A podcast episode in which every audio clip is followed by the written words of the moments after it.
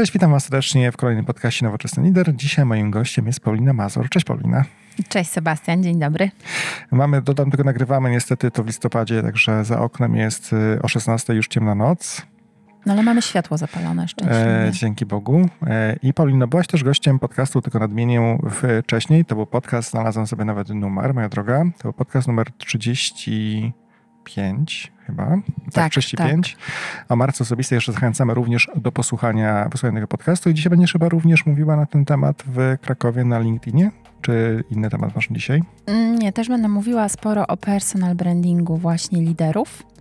Dlatego, że on jest mocno związany z employer brandingiem, którym się głównie zawodowo zajmuję i zawsze jak mówię o marketingu i w ogóle o tym, co wpływa na markę pracodawcy, to bardzo mocno podkreślam ten aspekt e, ludzi, a też liderów, do których przychodzimy pracować i przy których się rozwijamy. Dlatego to ich marketing osobisty jest taki istotny i, i o tym też opowiadam i tym, tą wiedzą i doświadczeniami się dzielę.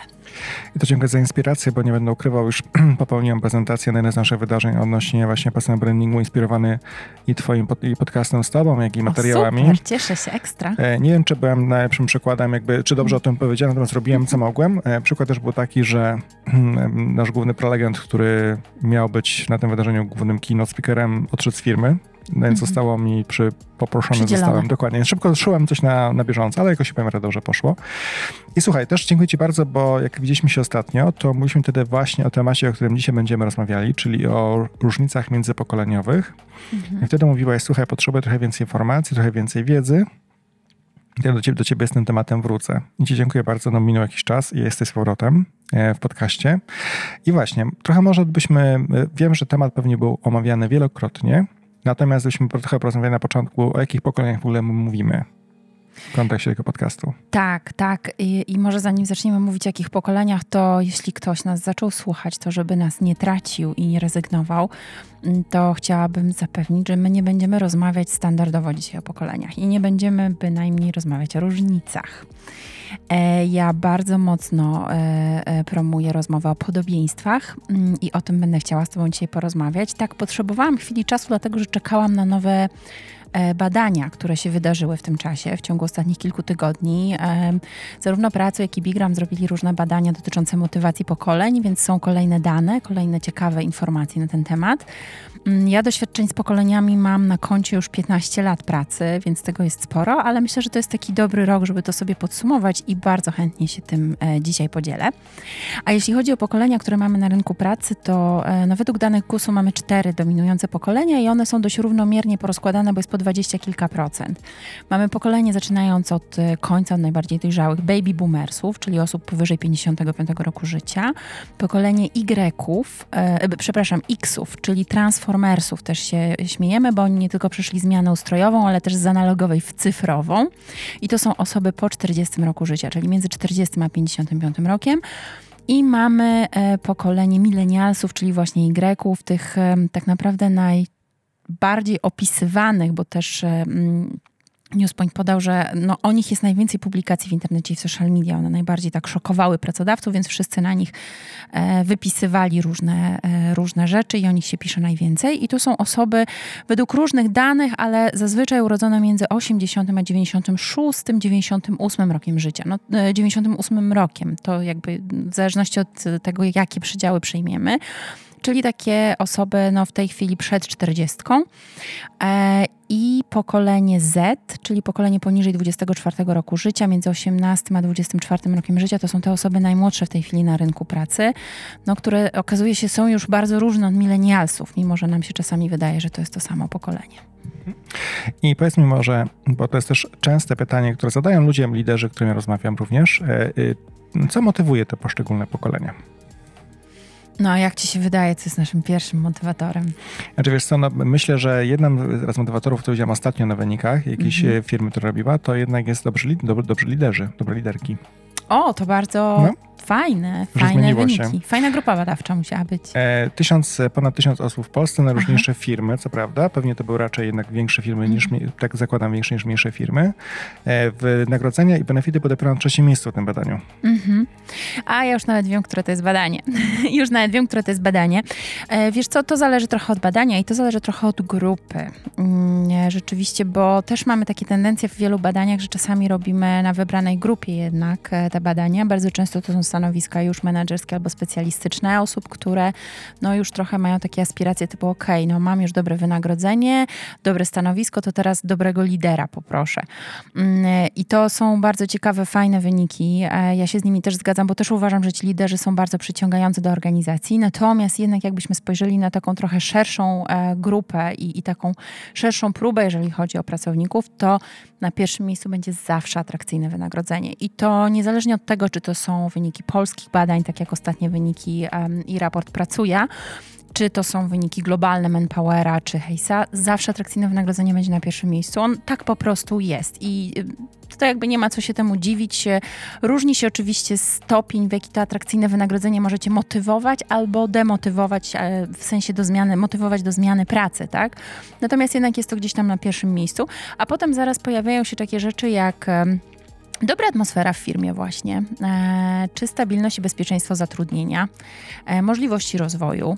E, okazuje się, że work-life balance, mój ulubiony, schodzi gdzieś na dalszą pozycję, e, bo więcej mówimy raczej o tych możliwościach rozwoju i, i, i o tym e, takim, o tej przyjaznej atmosferze i o tych właśnie e, liderach.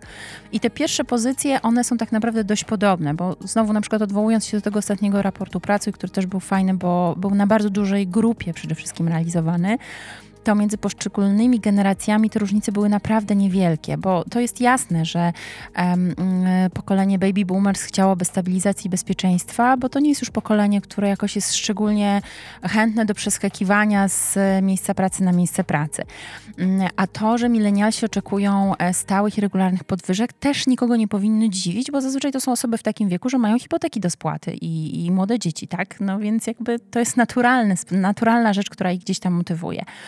Z kolei przy młodszych pokoleniach w Zetkach troszeczkę bardziej e, na prowadzenie tych motywatorów wysuwa się potrzeba na przykład docenienia i możliwość rozwoju, co też nie powinno nas dziwić, bo to są osoby młode, które dopiero wkraczają na rynek pracy, więc one potrzebują tego wzmocnienia, e, te, te, tego poczucia, że się rozwijają, że nabywają nowe umiejętności. Jest to dla nich ważniejsze niż na być może troszeczkę mm, osób bardziej dojrzałych. Ale tak naprawdę, jak spojrzymy na te wyniki, to te różnice są dosłownie 2-3%, e, więc to na koniec dnia to są bardzo podobne rzeczy.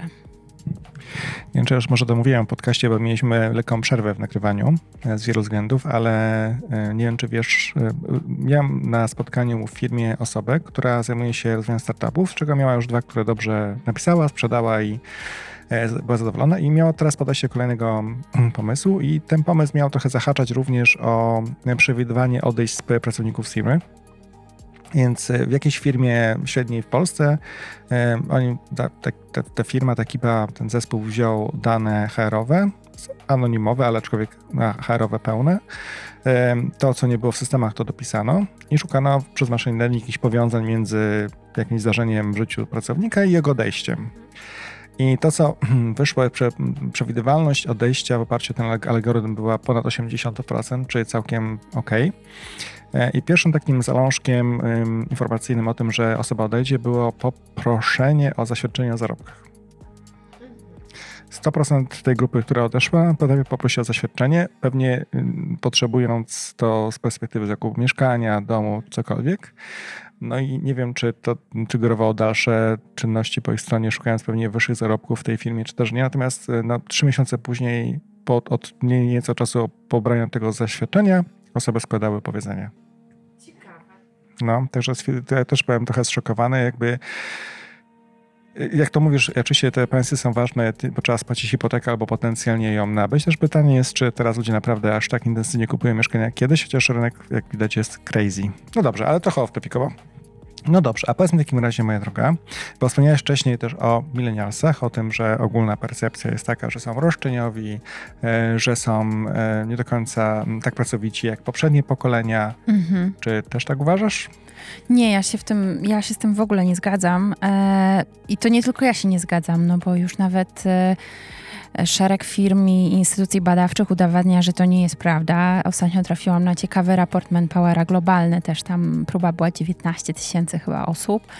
Mm, I okazuje się, że tak naprawdę co piąta e, osoba w wieku tym milenijnym, tak, ten millennials, pracuje ponad 50 godzin tygodniowo. Ja sama robiłam już w 2015 roku badania motywacji młodych i pytałam wtedy też, e, no, czy, co z tymi nadgodzinami, co z tymi pracami weekendy. I trzy czwarte studentów mi przyznawało, że bardzo chętnie, ale pod jednym warunkiem. To musi mieć sens. I oni muszą wiedzieć, po co to robią. I tu tak naprawdę tkwi e, wytłumaczenie, dlaczego często wydaje się starszym, dojrzalszym pokoleniom, że o, ci młodzi są leniwi roszczeniowi, bo bardzo często młodzi pracownicy po przyjściu do organizacji nie dostają jasnej informacji, po co pewne rzeczy robią. Mm, co prawda my już odchodzimy trochę od tego takiego stereotypowego wyobrażenia, że praktyki to jest parzenie kawy i tak stanie przy bindownicy, ale gdzieś tam jednak w wielu organizacjach to cały czas funkcjonuje. I to jest szalenie demotywujące, bo przychodzisz tak po studiach czy nie po studiach, pełen nadziei, chcesz się rozwijać, chcesz robić coś ważnego. W tych młodych pokoleniach jest duże poczucie i potrzeba zmieniania świata na dobre, duża potrzeba takiej sprawczości, poczucia, że coś ode mnie zależy, że ja, ja, też mam jakiś wpływ na swoje otoczenie, a nie tylko, że jestem osobą, która ma gdzieś tam wykonywać polecenia, których tak naprawdę nie rozumiem sensu i celu. I tutaj rola jest znowu po stronie liderów i przełożonych, że tak naprawdę trzeba trochę zmienić ten mindset i wytłumaczyć tej osobie, słuchaj, to jest twój cel, robimy to zadanie po to, żeby osiągnąć takie i takie wyniki, a potem najlepiej jest zejść z drogi. I przedstawiciele młodego pokolenia idą prosto do celu, Czasami spotykając, oczywiście popełniając swoje błędy, ale na to też musimy im e, mimo wszystko pozwolić. I myślę, że to, e, to mówienie takie leniwi roszczeniowi jest bardzo krzywdzące. To jest jeden z takich stereotypów, których ja naprawdę gorąco zachęcam, żeby po prostu absolutnie odrzucić i włożyć między bajki, bo to jest nieprawda. To jest e, nie tylko udowodnione, można się rozejrzeć dookoła, znaleźć sobie dobrych milenialsów, e, którzy są pracowici. Ja też zawsze, jak pracowałam, przez 15 lat pracowałam z młodymi ludźmi, ze studentami, bardzo pracowitymi, nieraz o wiele bardziej, więcej pracowali nawet niż ja, co też było dla mnie pozytywnie zaskakujące. I też na przykład, no, no jak możemy wytłumaczyć to, że, nie wiem czy wiesz, ale przyglądałam ostatnio dane GUS-u na temat wolontariatu w Polsce. Największą grupą, która zaangażuje się w wolontariat są osoby między 17 a 24 rokiem życia bo też z jednej strony mają największą motywację, być może mają najwięcej czasu, ale one nadal mają jeszcze w sobie ten zapał i tą pracowitość. Więc to jest szalenie krzywdzące mówić o nich, że są, nie wiem, pokoleniem self na przykład, bo też takie określenie funkcjonuje, że tylko selfie sobie robią i skupieni na sobie. No, to nie jest prawda. To jest dość duże uproszczenie. Na blogu nowoczesnylider.pl znajdziesz więcej informacji dotyczących tego podcastu. Ja się muszę tutaj, że niestety, zgadzam się z Tobą, oczywiście w tym temacie. Ja też walczę z tymi mm, ogólnie poglądami od wielu, wielu lat, na ile mogę, gdyż miałem też możliwość rozmawiania z wieloma młodymi osobami, to się bardzo dużo nauczyłem. I y, ja wiem, że jeżeli dobrze zaangażujesz te osoby, y, wytłumaczysz też po co to jest istotne, y, to też po części, to jest po części może to pasja tych osób, to co robią, to są świetne. Jak każdy, tak? No, każdy tak naprawdę ma, tak? Jak wiesz, wiesz po co to robisz, to ci jest dużo prościej. Dokładnie. Zgadzam się z tobą, także też miałem... Pierwszy podcast nagrałem chyba z milenialsami, z tego co pamiętam. Tak, mieliśmy taką pierwszą, pierwsze podejście, były chyba trzy osoby, czy dwie osoby, które reprezentowały tą grupę wiekową i to była super rozmowa, mega inteligentni, mega mądrzy ludzie, też bardzo ciekawe podejście do pewnych rzeczy. Na przykład dziewczyna powiedziała, że preferując wolność versus e, wysokie zarobki, odeszła do innej, do własnej działalności, do innej działalności za dużo, dużo mniejsze pieniądze na przykład, nie? Bo dla niej wolność była dużo ważniejsza, aniżeli te, wiesz, e, super pieniądze zarabiamy. No dobrze. No, tym niemniej jednak, patrząc z perspektywy e, tych różnych grup pokoleniowych, czy widzisz jakieś potrzeby, czy dopasowanie kanałów komunikacji, czy komunikacji w firmach? Bo jak mamy już taką firmę, gdzie masz cztery pokolenia, to wydaje mi się, że być coraz bardziej ciekawa kwestia dotarcia z informacjami do pracowników. Wiesz co, to jest trochę wyzwanie, bo y, też y, Randstad robił takie badania dotyczące komunikacji międzypokoleniowej. I y, to jest też ciekawe, że okazuje się, że bardziej te młodsze pokolenia mają problem w porozumieniu się ze starszymi niż starsze z młodszymi. E, I w sumie 40 chyba procent osób e, dwudziestokilkuletnich wskazywało, że ma po prostu kłopot, że nie jest w stanie się porozumieć z osobami starszymi. I to rzeczywiście, jeżeli mamy środowisko w pracy, w którym mamy cztery grupy pokoleniowe i mamy na przykład, nie wiem, realizować komunikację wewnętrzną, no taki prosty newsletter, no to my nie jesteśmy w stanie zrobić jednej uniwersalnej formy, która do wszystkich dotrze. To też dobrze widać na przykład na przykładach onboardingów, które teraz Mm, e, ci śmieje, przeżywają takie trochę swoje życie, bo jest duża moda też na mówienie o onboardingach, o tym, jak przyjmować nowych pracowników. I coraz częściej pracodawcy dochodzą do tego, że okej, okay, dobra, to może zamiast pokazywać tą prezentację z 80 slajdami, to może nakręcimy krótkie wideo.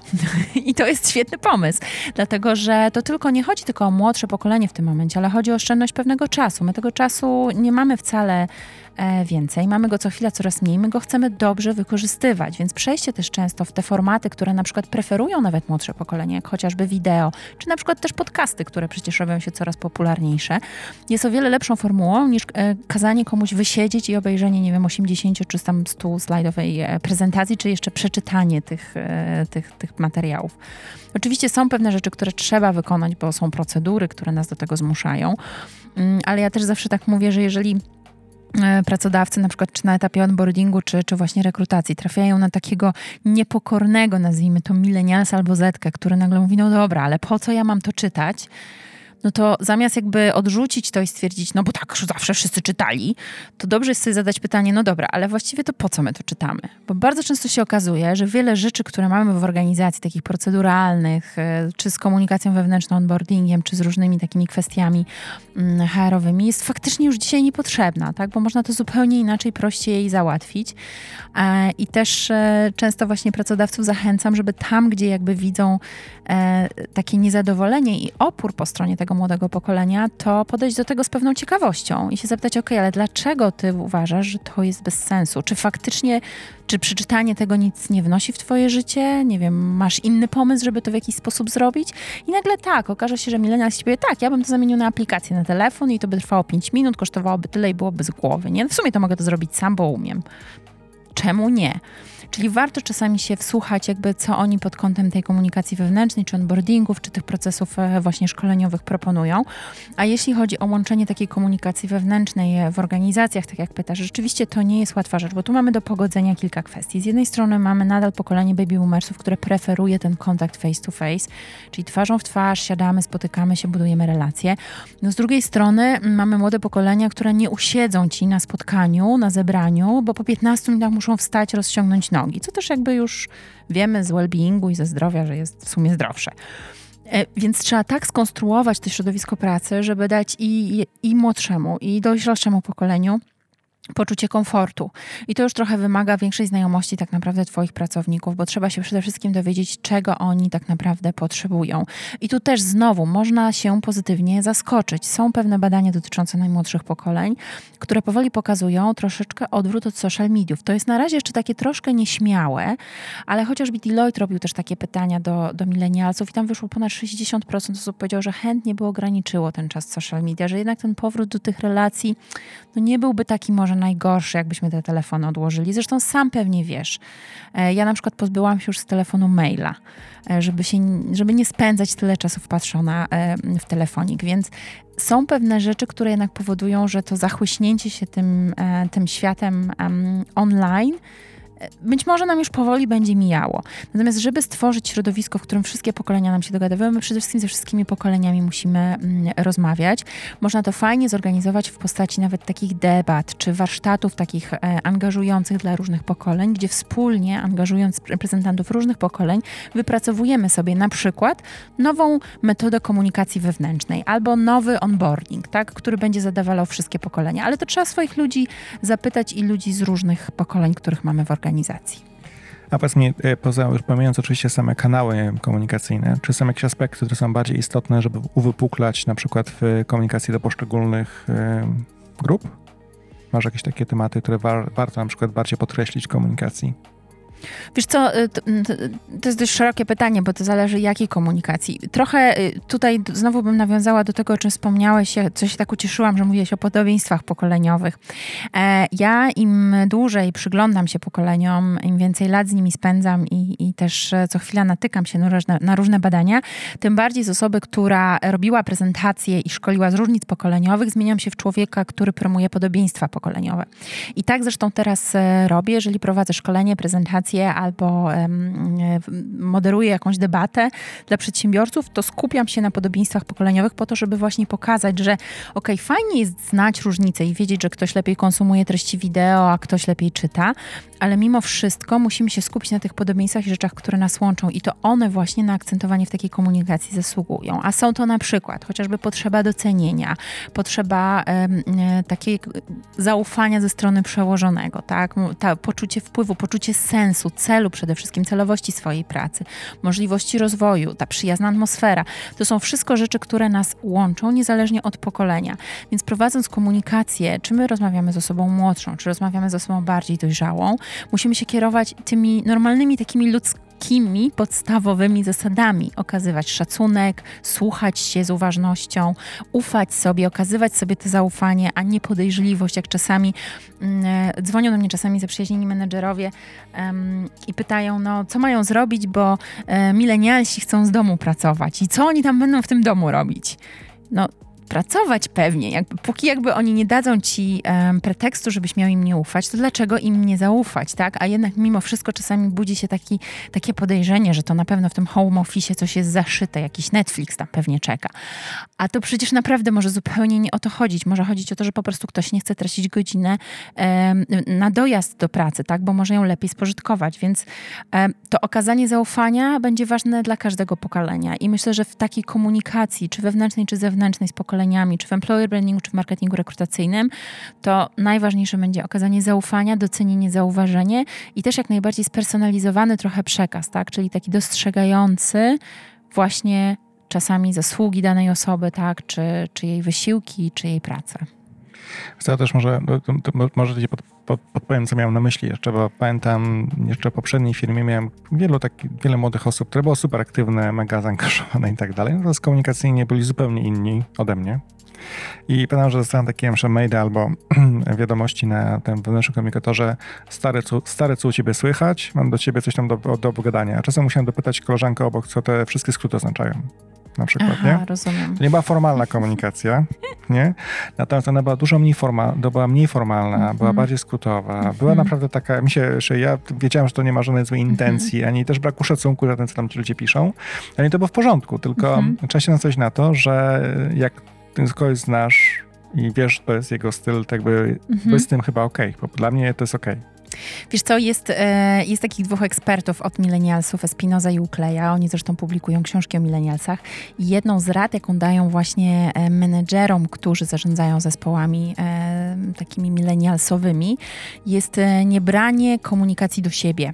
Bo bardzo często rzeczywiście w przypadku młodych pokoleń ta komunikacja jest skrótowa, ona nie jest już okraszona tą taką mm, grzecznością, tym co wypada, ona po prostu jest bardzo wprost. I czasami, szczególnie jeżeli to nie jest komunikacja taka twarzą w twarz, gdzie ty nie masz e, tak możliwości spojrzenia komuś w oczy i posiłkowania się jeszcze e, mimiką, tak, czy uśmiechem, ale tylko odczytujesz krótką wiadomość na komunikatorze, ona może się wydawać czasami sucha. Natomiast trzeba nabrać do tego dystansu, bo naprawdę to jest tak, że tutaj nikt nie ma żadnych złych intencji. Po prostu taki jest styl komunikacji, skrótowy, szybki. E, tak jest to pokolenie po prostu przyzwyczajone, wychowane. No, ustalamy konkretną rzecz. No, nie będziemy się tu bawić w długie maile, co w sumie, tak na dobrą sprawę, E, no, też już nie jest tylko ich domeną, bo my tak szybko żyjemy i tak szybko się czasami komunikujemy, że no, sam pewnie wiesz, no nie, nie zawsze mamy czas napisać piękne, długie maile, czasami lepiej krótko, a konkretnie i do brzegu. Nowoczesny lider. Podcast dla poszukujących inspiracji liderek i liderów. 100%. E, tylko chciałem tylko zaznaczyć słuchaczom, słuchaczkom, że istotą jest być otwartym na tego typu rzeczy i bardziej ja się zawsze śmiałem pod nosem, bo fajnie, że opisali do mnie, jak do kolegi czy do koleżanki. Mm-hmm. Czułem się z tym dobrze. No dobrze, i mam takie jeszcze pytanie, które mi się bardzo podoba, jak mówiliśmy o naszych e, tematach do dyskusji. Jak można scharakteryzować skutecznego lidera młodego pokolenia? No, uśmiecham się, bo, bo uśmiecham się teraz um, Do ciebie, patrząc na ciebie. Na mnie? Paulina ma piękny, ma piękny uśmiech, naprawdę. Nie wiem dlaczego. Bo tak się właśnie zastanawiam, Sebastian, co chciałbyś w tej chwili usłyszeć? Prawdę, zawsze prawdę. Prawdę. Wiesz co, tak, dobry lider to jest tak, jak już zacząłeś mm, wspominać. Znaczy, może tak, to nie chodzi czy dobry, taki skuteczny, e, który sobie na pewno lepiej będzie radził ze środowiskiem i z młodymi pokoleniami. To tak, jak zacząłeś mówić, to jest przede wszystkim osoba, która też ma trochę dystansu. Czyli nie bierze tak bardzo wszystkiego do siebie i podchodzi z ciekawością do tego, co się dzieje w takim młodym zespole. Czyli jeżeli na przykład mamy znowu, e, może niekoniecznie na home office, ale inny przykład, ktoś e, głośno krzyczy, że musi wyjść za 5-17 z organizacji, to nie jest powód, żeby się na tą osobę obrażać, ale być może powód, żeby się dopytać albo dociec, o co tak naprawdę chodzi, jaka jest tego przyczyna. To jest otwarta głowa, to jest przede wszystkim dociekliwość, otwartość na to, że inni mogą inaczej chcieć funkcjonować i pracować niż ja, jak byłam w ich wieku, na przykład. To jest też e, na przykład takie zestawienie, że ci skuteczniejsi liderzy to zazwyczaj są ci liderzy, którzy dzięki młodym zespołom czują się młodziej, a nie przez młode zespoły czuje się starzej, bo tak można na przeciwnej e, stronie osi to odczytać, tak? To są osoby, które w dużej mierze zostawiają autonomię młodym osobom e, do podejmowania decyzji i do dokonywania wyboru. Natomiast jasno potrafią określić cel i też w bardzo jasny sposób potrafią opisać reguły postępowania. Czyli e, są e, też w takim constant feedbacku, jak to mówimy, czyli w tym nieustannej informacji zwrotnej. Czyli tu absolutnie nie ma czegoś takiego jak rozmowa roczna, to w ogóle nie funkcjonuje, tego już nie ma. Natomiast tu jest nieustanna pokazanie też tym najmłodszym, co robisz dobrze, co mógłbyś poprawić i jak masz to zrobić następnym razem. Bo i też wyzbycie się tego, tej obawy, że komuś, kogoś zranimy albo skrzywdzimy czyjeś uczucia. Jak ja zaczynałam, um, miałam swoich pierwszych um, podwładnych, czy tam osoby w zespole właśnie z takiego już znacznie młodszego niż ja pokolenia, to ja strasznie jak do jeża zabierałam się do takiej oceny, bo ja strasznie lubiłam te osoby i nie chciałam im sprawić przykrości. Okazało się, że w ogóle y, nie brali tego do siebie. Oni to biorą, oddzielają, jako to jest ocena mojej pracy i mi, im zależy na szczerym feedbacku, bo tylko na tej podstawie oni są się w stanie dalej rozwijać i poprawiać. Ale uwaga, na tej też podstawie będą ciebie jako lidera rozliczać. Jeśli ty im jasno nakreślisz, słuchaj, jak wykonasz tak i tak to zadanie, to będzie bardzo dobrze, to musicie się spodziewać, że po wykonaniu tego zadania, zgodnie z waszą instrukcją, ten człowiek przyjdzie i będzie dobrze, zrobiłem to dobrze, jaka jest nagroda, proszę mnie teraz docenić. I to nie jest miejsce, kiedy ty możesz sobie pozwolić na zmianę reguł. Nie. Reguły muszą być transparentne, muszą być fair w miarę do wszystkich jakby uczestników zespołu. Tu jest mało przestrzeni na gierki, rozgrywki i y, szukanie sobie pupilów. Tu trzeba transparentnie naprawdę nakreślać te zasady, wyznaczać jasne reguły, jasne ścieżki, ale potem dawać tym ludziom autonomię, dawać im też popełniać błędy i dopytywać się ich, ok, ale dlaczego tobie się to nie podoba, albo dlaczego nie chcesz tego zrobić, albo dlaczego uważasz, że takie działanie jest głupie. Ja miałam taki kiedyś e, case jakiś czas temu.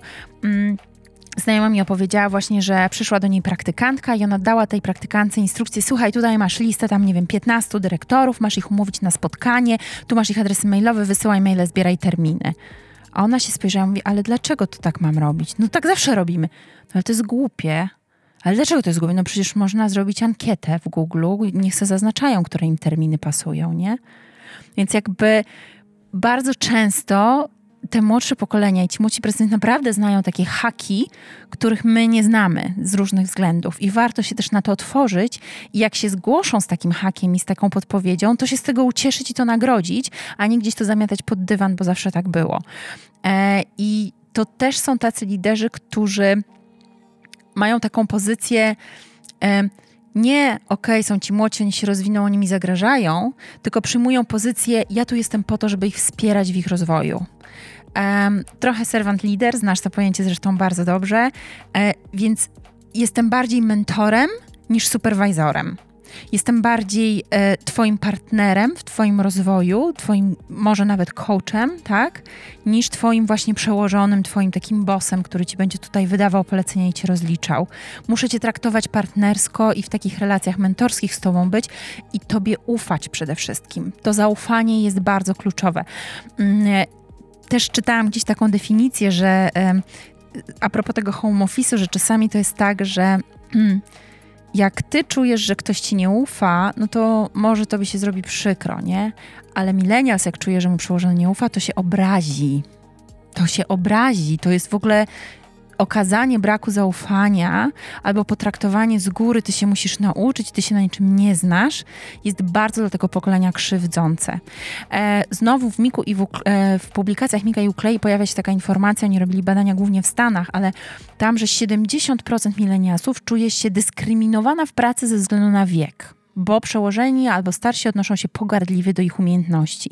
I okej, okay, my możemy sobie powiedzieć, no ale przecież oni się jeszcze muszą wiele nauczyć, oni są na, y, na, na starcie swojej ścieżki. Tak, być może tak, ale to nie oznacza, że możemy im w związku z tym okazywać brak szacunku. Tak samo jak starsze pokolenia dojrzalsze oczekują szacunku z uwagi na swoją dojrzałość, no to jakby to działa w obie strony. Tutaj ta bariera wiekowa i to, że ktoś ma lat 25, a ktoś 55, to mm, jakby to, że ktoś ma tyle, ile lat, to nie powinno mm, nikomu pozwalać, żadnej ze stron, do odnoszenia się pogardliwie do drugiej strony. Czyż mi się wydaje, że szacunek jest rzeczą, jak, no, która jakby nie, bez względu na grupę wiekową jest bardzo ważna, prawda? I to nie ma znaczenia, czy to jest millennials, czy ktokolwiek inny. Też chciałem powiedzieć tylko do twojej informacji, Paulina, że podobno słucha nas sporo no, młodszych ode mnie pewno osób, podobnież.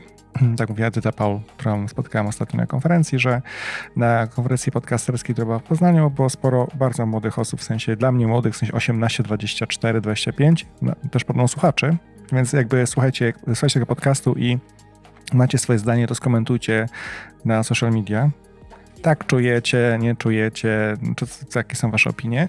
A po drugie, się ten feedback to faktycznie, wiesz, ja też jakiś, trochę tego słuchałem troszkę z niedowierzaniem, że jakby w szczególności czym wyżej w hierarchii dając feedback osobie młodszej, w sensie stażowo młodszej, też, też wiekowo młodszej, to może być e, nie okej, okay, ale jestem totalnie, absolutnie za tym, żeby to robić, ponieważ oni, te osoby bardzo to doceniały wtedy. I były zasłuchane po prostu jakby, to nie było tam emocji, w sensie źle zrobiłam, bo ja jestem zła, tylko jakby jak mogę zrobić to fajniej, e, bardziej profesjonalnie. I to było bardzo dobrze zawsze przyjmowana informacja zwrotna, o ile była informacją zwrotną, a nie hejtem, nie? Bo to jakby to są dwie różne rzeczy. No, e, bo jakby chciał, żebyśmy się komunikowali również zawsze bardzo profesjonalnie z naszymi e, kolegami, koleżankami. No dobrze, to słuchaj, jeszcze mieliśmy troszkę porozmawiać o twoim TEDxie, mm -hmm. bo mhm. chyba podcast w ogóle będzie publikowany po TEDxie, tak prosiłaś, prawda? Tak, tak, tak prosiłam, bo, e, no bo chciałabym najpierw to, co mam do powiedzenia na temat pokoleń, wypowiedzieć na czerwonej kropce. Super. E, tak, TEDx będzie 6 grudnia. E, to będzie TEDx Warsaw Women, mm, Bold and Brilliant e, w Teatrze Szóste Piętro w Warszawie. I mój temat e, brzmi, a ty co widzisz, jak patrzysz na inne pokolenia?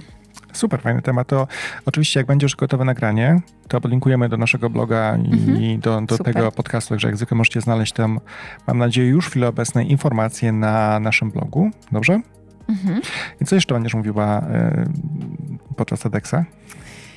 Oj, będę obalała różne stereotypy. Możesz e... powiedzieć, bo i tak się opublikujemy, to zanim jakoś to powiesz, no to tak się... E... Będę obalała stereotypy dotyczące leniwości, roszczenowości, będę opowiadała o podobieństwach właśnie pokoleniowych, które mnie po prostu uderzają, ale też będę, na to chyba już nie będę miała czasu, ale to jest coś, co też mi brzmi jakby po, w trakcie tej mowy, to jest to, czego dojrzałe pokolenia zazdroszczą młodszym, bo ja dzisiaj nawet miałam na ten temat taką rozmowę z, znowu z reprezentantką dwudziestoparoletnią, I taki przyznałam i powiedziałam, no słuchaj, w moim TEDxie pojawia się work-life balance, a to dlatego, że wykrzyczeli to milenialsi, a korzystamy wszyscy. To nagle pracodawcy zaczęli się zajmować well-beingiem, nagle mamy owocowe poniedziałki, nagle mamy karty na siłownię, a ja jeszcze pamiętam, jak 15 lat temu to był powód w ogóle największego y, y, śmieszkowania sobie w środowisku rekruterów, o, przychodzi milenials, będzie chciał kartę na siłownię, ha, ha, ha. A teraz wszyscy biegamy na tą siłownię, bo wiemy, że trzeba dbać o zdrowie. E, I coraz więcej takich rzeczy, które gdzieś tam kiedyś nas parę lat temu um, w jakiś sposób szokowały, bo zmieniały po prostu te relacje w miejscu pracy, więc obwinialiśmy, a tu milenialci wymyślili, co to znowu jest za wybryk. A teraz jakby traktujemy te rzeczy coraz bardziej poważnie i one się rzeczywiście zaczynają opłacać, jak chociażby elastyczny czas pracy, tak? Czy właśnie home office wspomniany, w kierunku którego idziemy. E, czy w ogóle pojęcie szczęścia w pracy. Są na ten temat badania i to badania, które już potwierdzają, że szczęśliwi pracownicy są bardziej produktywni kreatywni. To nie są byle jakie badania, to Galupa badania są przecież. I nagle się okazuje, że to pojęcie, że chcę mieć, chcę być szczęśliwy, uśmiechnięty w pracy, coś, co też znowu młode pokolenia mówiły i się niektórzy stukali po głowie, to jednak to jest całkiem sensowna sprawa tak naprawdę. Nie ma się z czego śmiać, trzeba to wziąć poważnie i po prostu zacząć, zacząć stosować, więc o tym będę też troszkę mówiła. Też mam takie informacje, bo to jak Basia robiła nam z ostatnią prezentację wewnątrz firmy, żebyśmy ogólnie naszych wynikach EVP i tak dalej. Mhm. I właśnie podała kilka ciekawych statystyk, które pozwoli, że przytoczą, że one, one są z jakichś ogólnych badań, więc chyba no. nie, nie odkryłam żadnych kartów specjalnie. Um, poczekaj, pytanie było następujące. Na przykład, ile, no, ile więcej zarabiają szczęśliwi pracownicy? No, ile? 36%. nie wiem, czy to jest liczba osób, to powiedziała, Aha. że więcej, czy 66% Aha. więcej zarabiają, natomiast mhm. dość duża liczba. E, wiesz, ile, to już jest wiadomo, ile dłużej żyją szczęśliwi pracownicy? No na pewno kilka lat dłużej. 2,2 roku podobno. Aha. Badania są robione przez e, The Longevity Project. E, mhm. Dane są 2011. Mhm. I oczywiście, jak ktoś powiedział kiedyś, że się dwa lata wiesz, to tak się mówi, dopóki się ma lat 22, powiem 23, 30, ale jak się ma 80, to dwa lata robią różnicę, to myślę. Prawda. E, albo i nawet i, i, wcześniej. Także e, to, co mówisz o tym szczęściu w pracy, też bardzo istotne, żebyśmy o tym pamiętali, że ja zawsze mówię, te targety, wiesz, cele, ak ceny akcji, to są ważne rzeczy. Ja tak nie mówię, że to są nieważne rzeczy. Tylko mi się wydaje punkt dojścia do, że cena akcji idzie w górę, że mm, masz lepsze wyniki sprzedaży, one może robić na dwie różne sposoby, na różne sposoby, ale jak masz motywowaną ekipę szczęśliwą, to jest dużo prościej podnieść te wszystkie inne parametry. Oczywiście, nie? że tak. Tylko ludzie na nie myśleli, że my to zawsze mówimy tylko o tych miękkich, że, miękkich takich rzeczach, wiesz, związanych z ludźmi i tak dalej, mm -hmm. bo to mhm. nie masz kontaktu biznesowego. Jasne, że na samym końcu jest jakikolwiek biznes prowadzisz, to albo będziesz robić go w sposób bardziej, wiesz, efektywny i przyjemny, albo nieefektywny i przyjemny. Chociaż ja słyszałem historię to akurat od mojej żony. Nie, nie znam nawet nazwy firmy, ale firma jest trochę katastroficzna, jeśli chodzi o takie warunki pracy, jeśli mhm. chodzi o kulturę, tam z wielu względów. Natomiast płaci tak dobrze, że ta nie ma problemu, żebyś została w pracy przez najbliższe parę lat po prostu nie ma szans, żeby znalazła pracę lepszą na rynku, płacą dwa razy więcej albo trzy razy więcej mm-hmm. niż rynek. I jakby to wpisujesz sobie w cenę wtedy kosztów psychicznych. W sensie później ten twój psychoterapeuta będzie kosztował cię pewnie połowę tego, co robisz więcej. Ale to jest, słuchaj, ten, tak długo jak to ci się opłaca i, i ten zysk jest jednak mimo wszystko, no twój to wybór. jakby to jest całkowicie twój wybór, no oczywiście. Absolutnie, to właśnie mówię, że te ceny, cele biznesowe zawsze gdzieś tam są u nas zakodowane i też mówimy ludziom o tym, że dyskusje właśnie o brandingu, EVP, o mhm. wartościach i tak dalej są ważne rzeczy, gdzie na końcu perspektywa oczywiście akcjonariuszy na początku, ale dla menedżerów trochę na końcu jest jednak ten wynik finansowy. No ja myślę, że on dla wszystkich jest, słuchaj, ważny i to nic złego jakby nie jest, tak? Nie jest. Znaczy chyba nie powinno być, bo jakby e, zawsze ktoś mówił, chyba też mówił pan Bikle, mówił o tym, że turkusowe turkusowymi, ale jak nie ma przychodów w firmie, to nie ma firmy. no dokładnie. Znaczy, wiesz, zyski muszą w firmie być po to, żebyś miał chociażby czym ludziom zapłacić, tak? Zapłacić, Więc... rozwijać, być innowacyjnym, żebyś... To jest te karnety. normalne. To raczej myślę nikogo nie dziwi, a już właśnie jakbym miała powiedzieć o tych pokoleniach, to tych młodych pokoleń tym bardziej to nie dziwi. E, to się musi opłacać. E, ja nie wiem, czy pamiętasz, kiedyś Ci opowiadałam, że mm, rozwijałam w Polsce ten program Enactus. E, międzynarodowa taka e, organizacja non-profitowa, która nastawiona jest na aktywizację lokalnych społeczności, ale robią to studenci. I studenci jakby robią różne projekty biznesowe. I to też jest ciekawe, że w tym programie, no jakby non-profit non-profitem, natomiast te projekty, które studenci mieli tworzyć, one miały mieć jakiś wymierny wynik, również finansowy i miały być stabilne finansowo. Tak, to nie chodziło o to, żebyśmy zrobili happening, że robimy jakąś zbiórkę, tylko żeby stworzyć pewien mechanizm, dać narzędzie jakieś na przykład grupie osób bezrobotnych, dzięki któremu te osoby potem będą mogły sobie same poradzić i zarobić. Jak zaczynałam ten program w 2009 roku i pracę ze studentami, to było mi e, bardzo trudno przekonać wtedy tych młodych ludzi, że słuchajcie, to naprawdę nie, nie chodzi o to, żebyście to robili za darmo i żeby to wszystko było za darmo. To chodzi o to, żeby to miało szansę na rozwój, a żeby to miało szansę na rozwój, to musi mieć jakąś stabilizację, również finansową, jakieś uzasadnienie ekonomiczne, bo nigdy nie znajdziecie na to sponsora. Mm, ok, może znajdziecie sponsora na rok, na dwa lata, ale nikt wam nie będzie przez parę lat za to płacił, jak nie będzie miał z tego wymiernych korzyści. To się po prostu nie zepnie. To będzie ad hocowa działalność, która nie przyniesie nikomu pomocy, ani wam, ani tym osobom, którym chcecie pomóc. Natomiast już parę lat później, jak rozmawiałam z kolejnymi rocznikami studentów, to sytuacja się odwróciła. Oni już mieli pytanie, no dobrze, ale to jak my mamy teraz zbudować na tym model finansowy? Jak my mamy na tym też my zarobić, tak?